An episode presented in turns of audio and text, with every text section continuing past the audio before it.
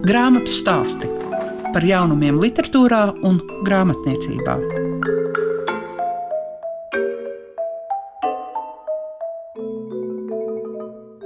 Ir grāmatu stāstu laiks, un šodien raidījumā, ko veidojas Liega Piešiņa, jūs dzirdēsiet par Gundagas Repšes jaunāko grāmatu sarunas ar sīko, kā arī par Dmitrija Sāvina antiutopiju Rīts brīvajā Latvijā grāmatu stāsti programmā Klasika. Literatūras zinātnēce Anita Roškalne labi pārzina Gundagas repšas dairadi, un mēs ar vienu vēl gaidām viņas grāmatu par Gundagu repši. Bet mēs raidījumā dzirdēsim Gundagu repši, kura nolasīs dažas no savām pēdējo mēnešu laikā uzrakstītajām atziņām. Grāmatu stāsti programmā Klasika.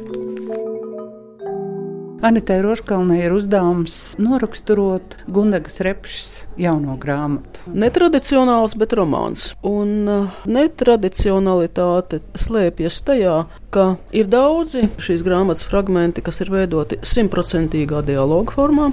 Ir gabaliņi, tos tiešām grūti nosaukt citādā vārdā, bet tie ir prozas gabaliņi, kas ir drīzāk teiksmaini, arī ar mājieniem uz latviešu kultūrā pazīstamiem motīviem.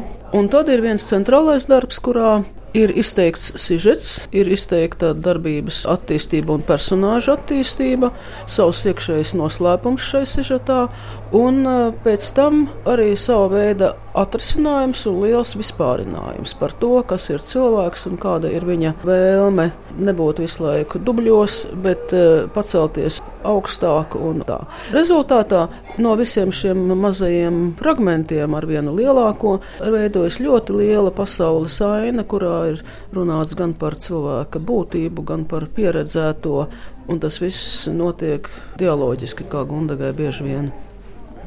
Mēs zinām, ka Gundagai parasti katra grāmata ir atšķirīga. Kā mēs varam runāt arī par šo sarunu ar sīko un to, ar ko tā gan iekļaujas viņas kopējā dairadē, gan arī ir tas atšķirīgais.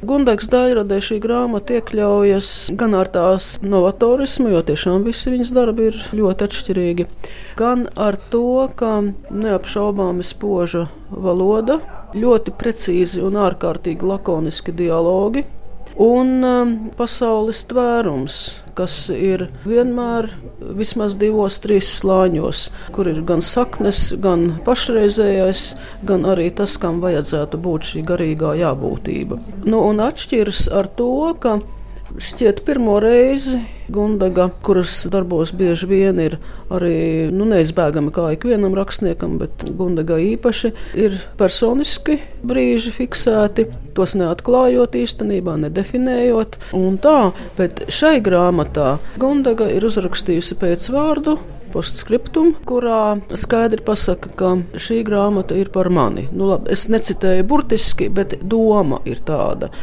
Faktiski tā ir rakstnieces ļoti liela arī personiska drosme un viņas pašatbildības mērs. Būtībā viņa ar mums dalās savās pašas pārdomās un izjūtās, un iespējams arī vairāku dzīves brīžu apcerēs.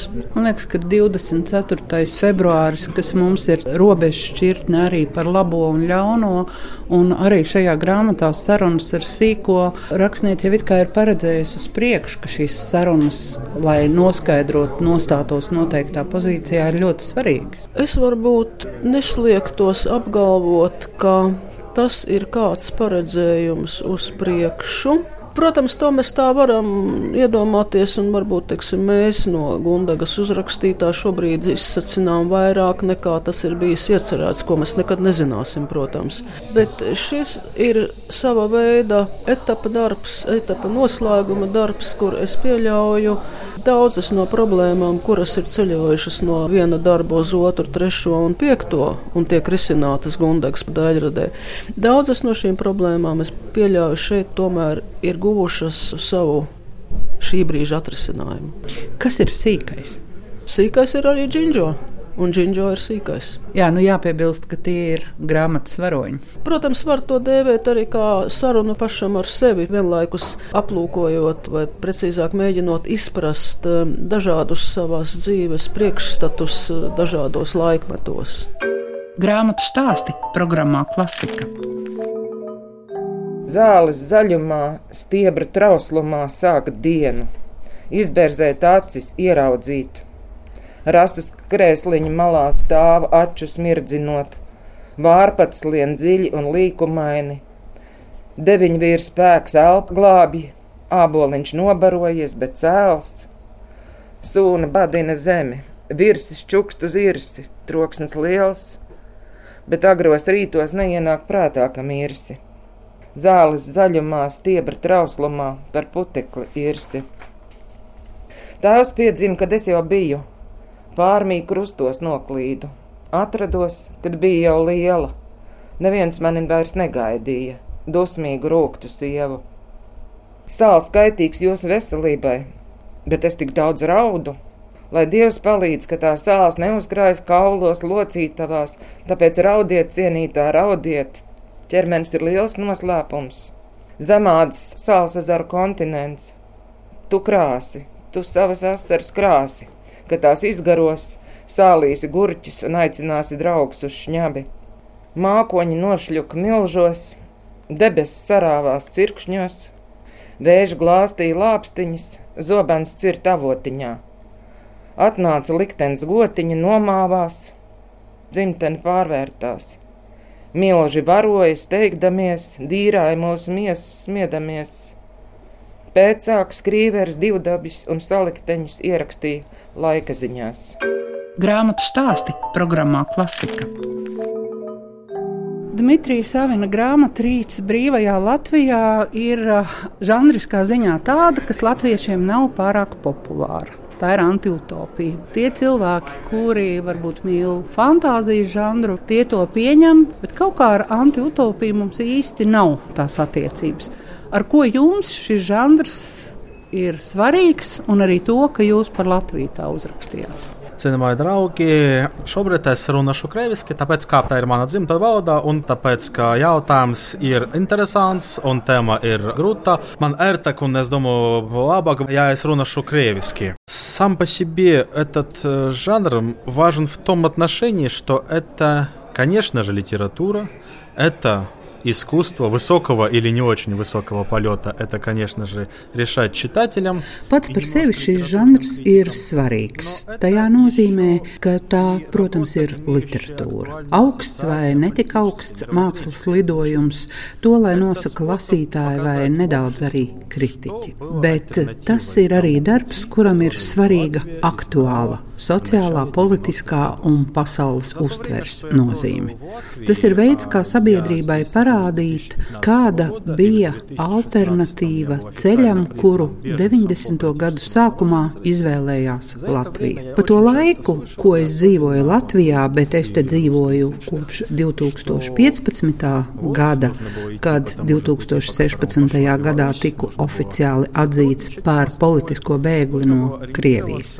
Šajā laikā es ļoti bieži esmu dzirdējis, un īpaši no krieviem un krieviski runājušiem, ka vajadzēja virzīties pa to pašu ceļu, kuru izvēlējās Baltkrievija. Vajadzēja sadarboties ar Maskavu, vajadzēja orientēties uz to modeli, ko viņa uzskatīja par ideālu. Tas ir sociālisms ar cilvēcisku seju, un man likās ļoti saulaicīgi radīt grāmatu, daļu literatūru, anti-utopiju, kas parādītu, kas notiktu, ja Latvija izvēlētos šo ceļu. Un šodien, protams, mēs nevaram nerunāt par Ukrainu un par karu, bet tas ir galīgais punkts tam, par ko mēs pašreiz runājam, kas sākās ar sadarbību ar diktatūru, konstruktīvu attiecību veidošanu un tā tālāk. Un grāmatas ideja bija parādīt, kāda būtu Latvija, ja viņa būtu izvēlējusies šo ceļu kas ir tā saucamā hibrīda diktatūra mūsdienu pasaulē. Kā tā izskatītos no ekonomiskās situācijas, bet pats galvenais, kā justos vienkāršais parastais cilvēks, kurš nav ne cīnītājs, ne varonis, ne disidents, brīžam tāds mazs blēdis. To visu koncentrētā veidā es centos parādīt šajā darbā. To var salīdzināt zināmā veidā ar Orvela 1984. Un es esmu pārliecināts, ka Latvijai tāda grāmata ir nepieciešama un vajadzīga. Pēc tiem briesmīgajiem notikumiem, kurus mēs novērojam visā neopadomju teritorijā, es domāju, ka mēs redzam, ka te nav pārspīlējumu, ka darbs ir realistisks. Paldies Dievam, ka Latvija savulaik izvēlējusies citu ceļu.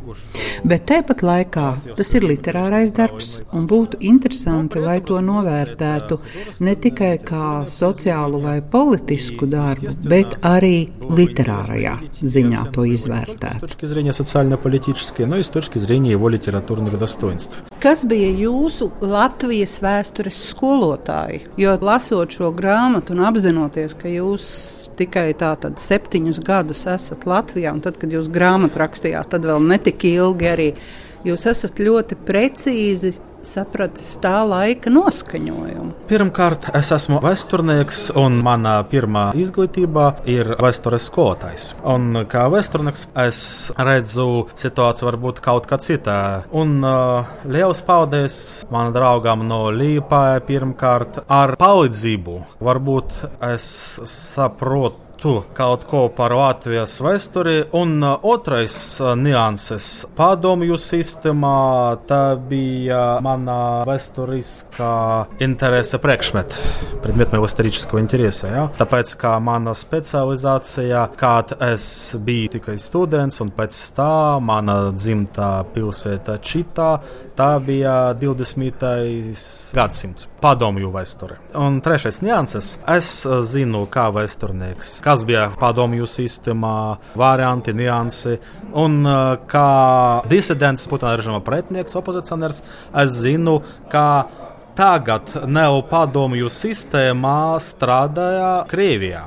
Jā, paldies manam draugam par ļoti liels informācijas apjoms par Latviju un kurzeme vēsturē. Un tāpēc, ka es esmu vēsturnieks un tāpēc, ka es redzu mm, saviem glazām Pats savām acīm. Pats savām acīm redza, kā šajā sistēmā strādā šodien Krievijā. Varbūt pirmais, otrais, trešais, paldies Dievam, šajā elementī kopā, nu tā ir atbilde, kāpēc es saprotu un kāpēc es varu izdarīt literatūrās modeli. Nu, tā ir aktuāli un ne ļoti slikti.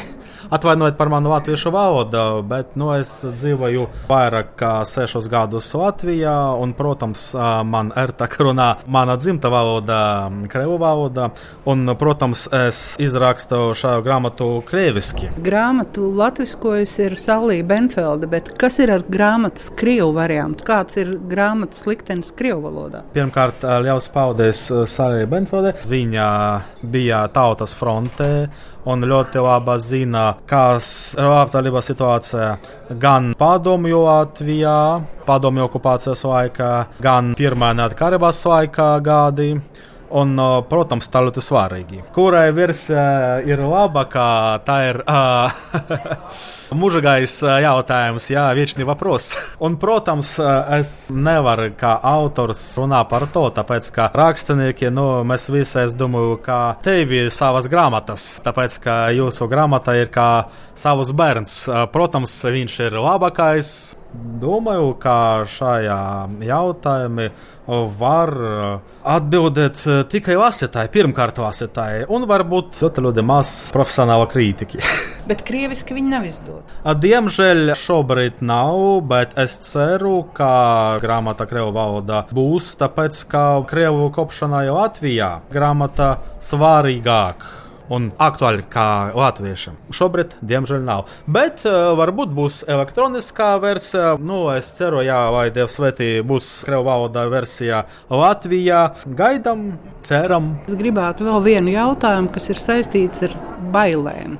Ir viena lieta, ka mēs tiešām katrs savādāk arī baidāmies par to, kas varētu notikt ar mums, vai kā mums būs, vai nāksies rīkoties. Bet zināmā mērā tas, ko jūs arī esat uzrakstījis, tas it kā izmodelē situāciju. Un vai nav kādreiz tā kā bail par to, ka jūs kaut kādas lietas spējat paredzēt? Es nezinu. Domāju, ka Latvijai grāmatā vajadzēs, varbūt ļoti vajadzēs. Tā ir ļoti aktuāla, un diemžēl mēs visi redzam situāciju Ukrajinā, vai Kazahstānā, vai Baltkrievijā. Un šodien vajag runāt par to, kuri alternatīvi bija un pirmkārt runā par to, ka šajā grāmatā ne tikai par to, kas pārējā noteikti Latvijā, bet tā ir arī par nākotnē. Interesanta situācija, kā šajā grāmatā Vācijā cilvēki, kuri nezina padomju laika, kurais dzimšanas diena pēc 91. gada, viņi redza šajā grāmatā mūsu šodienā reāli, mūsu šodienā problēmai. Un šobrīd ir ļoti aktuāls jautājums. Šis modelis tā ir tikai par alternatīvu vēsturi vai varbūt par mūsu nākotni. Paldies Dievam, es redzu, ka ir angļu valoda feedback, jest otklik no cilvēkiem Latvijā, un liels paldies visiem gan par labiem vārdiem, gan par kritizē, bet es domāju, ka grāmatā ceļš tā ir tikai sākums Tā nav lieta tikai par viens mēnesis vai divas, jā, tā ir par gadiem. Īsnībā par ceļu kādu То, mēs что путь varējām. техники начался, да, только начался, что остается Jā. там. Nu, grāmatas ceļš tikai sākas. Jā, tikai sāks. Pamīti правильно, jā, lūdzu, mm, pareizi saprast man. Man grūti runāt par savu grāmatu, tāpēc ka par to, kas tas bija un kas tas būs, par to pirmkārt var runāt uh, lasītāji. Un uh, man ļoti interesanti, un uh, man, protams, ļoti svarīgi, kā es lasīju atsauksmes par manu grāmatu. Un es ļoti ceru, ka tā būs ne tikai interesanti cilvēkiem, kuri viss uh, saprot par padomju okupāciju laiku. Es ļoti ceru, ka tā būs mana maza palīdzība jauniešiem, kuri nezina, kas tas ir dzīvot padomju Latvijā, dzīvot zem padomju okupācija. Nu, es redzu, ka viņi ļoti daudz klausa par to, kā skaistākā un labākā dzīvo bija padomju savienībā. Bez maksas dzīvokļi, bez maksas atpūtā un, protams, medicīna. Nu, tā bija ne okupācija, tā bija paradīze. Un šodien arī mēs redzam, ka skaistākā dzīvoja bija gan Krievijas federācijā, Putinā, Krievijai ļoti bagāti valsti un tālāk, bla, bla, bla. Ja? Mana ideja bija ļoti vienkārša. Literatūra formā runā par to, kā tā būtu reāli. Un varbūt tā būs mana ļoti maza palīdzība Latvijai. Un, protams, tā ir arī mana sirsnīgā pateicība Latvijai par manu brīvību un par manu jaunu māju Latvijā. Kāpēc esmu Latvijā? Tāpēc, ka dzimtenē nav variants, tikai viens ceļš, diemžēl, bijis cietumā. Un uh, Latvijai manā sirsnīgā pateicībā par galvenā, par manu brīvību. Būdams Latvijā, Dmitrijs Savins ir strādājis gan par tehnisko rakstnieku, palīdzējis Baltkrievijas bēgļiem, bijis gan korektors, gan redaktors, un arī zina, kā ir būt palīgstrādniekam kūdras purvā.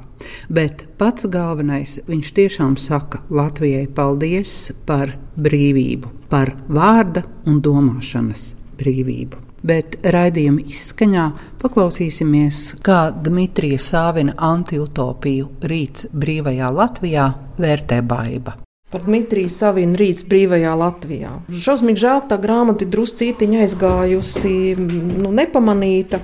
Es arī viņu biju kaut kad pamanījusi, ka tāda ir. Bet labi, ka tu viņu atnes. Paldies! Ar ko viņi man piesaistīja? Piesaistīja ar to, ka man vispār patīk, man patīk fantāzija, tad kāpēc nepafantazēt par to, kāda varētu būt notikusi Latvija, ja 92. gadā mēs kaut kā nesāktu ķeproties uz augšu. Un Dmitrijs Savins piedāvā, viņš vispār ir no Ukrainas. Viņš gan laikam ir jauns cilvēks, bet nu, viņam droši vien ir kaut kāda padomju laika pieredze. Viņš piedāvā to, kas ir mūsu kopīgā padomju atmiņa, un uz tās fona uzbūvē tādu Latviju, kāda viņa varētu būt bijusi. Ja nenotika tas, kas notika, ka, piemēram, Latvija ir, nu, zināmā mērā mēs esam neatkarīga valsts, bet mēs joprojām esam kopīgā telpā. Nu, tur laikam pat netika saukts, ka tā ir padomju savienība, bet nu, katrā ziņā tur ir uh, mūsu pašu simboli. Mums ir sarkanbalts, sarkanais karoks, ja nemaldos, bet vienalga ir tādi. Nu, Tāpat valda krievu valoda. Par pilsoņiem ir kļuvuši pilnīgi visi. Tad jūs arī paši saprotat, uz ko mēs tur būtu varējuši cerēt. Jā, viņš arī uzzīmē to scenāriju, kas notiek, ja pie pilsoņiem 92. gadā kļūst visi cilvēki, kas dzīvoja Latvijā, un kāds bija kura cilvēka uzskats par to, kā vajadzētu dzīvot tālāk. Nu, tie, kuri uzskatīja, ka vajadzētu dzīvot tālāk pa vecam, viņi vienkārši bija vairāk. Prezidents ir ļoti interesanta personība. Viņu sauc Aivars Lembasts. Vairāk nekādu komentāru nebūs. Vienīgais, kas man pietrūkst tajā grāmatā, ka man būtu gribējies, lai tas sižets būtu priekšplānā. Te sanāca, ka priekšplānā vairāk aprakstu par to, kā tas izskatās, cik tas viss ir nenormāli pelēks, cik tas viss ir ārkārtīgi atpazīstams, kā cilvēki brauc ar jaunām automašīnām, bet par tiem pašiem vecajiem ceļiem. Jā, mēs tagad arī tāpat darām, bet toreiz tur bija ļoti daudz visa kā tāda, ka tu tā lasi, jā, šo atceros. Un beigās, kad es esmu izlasījis, es sev saku, ak, kungs, cik labi, ka tā nenotika, cik labi, ka tā ir tikai anti-utopija. Bet man vispār žēl, ka latviešu literatūra literatūrā ir pamaz tādu grāmatu. Es pat nevaru momentā nosaukt neko citu. Kā sauc tas anglis, kurš ieguva pilsonību? Kurš ar starp citu par Lembergu rakstīja? Tas, jā, un viņam arī bija viens no varoņiem, netika nosaukts vārdā, bet viņam bija hūtīte. Bet vienalga, tas Savins vispār ir unikāls. Viņš ir atbraucis un iejuties šeit un dzīvo Liepājā un pilnīgi tā izpētījis visu gan par mūsu 90. gadu vēsturi un vai tie ir latviešu draugi, kas viņam mācēja pastāstīt. Un es pat nodomāju, kā viņš ir ticis tik ļoti klāt, ka es latvieti lasu un, un, un visam ļoti ticu un ka es neredzu, ka tas ir konstruēts. Es saprotu, ka tā ir jauna pasaule uzbūvēta, bet tas nav mākslīgi sakonstruēts. Man patīk tā grāmata, lai viņš raksta vēl. grāmatu stāsti programmā Klasika.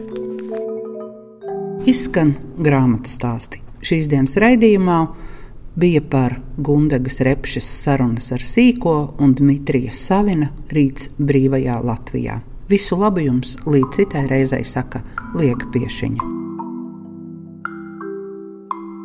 Grāmatu stāsti par jaunumiem literatūrā un grāmatniecībā ik trešdienu, 9.5. ar atkārtojumu Svētdien, 18.15.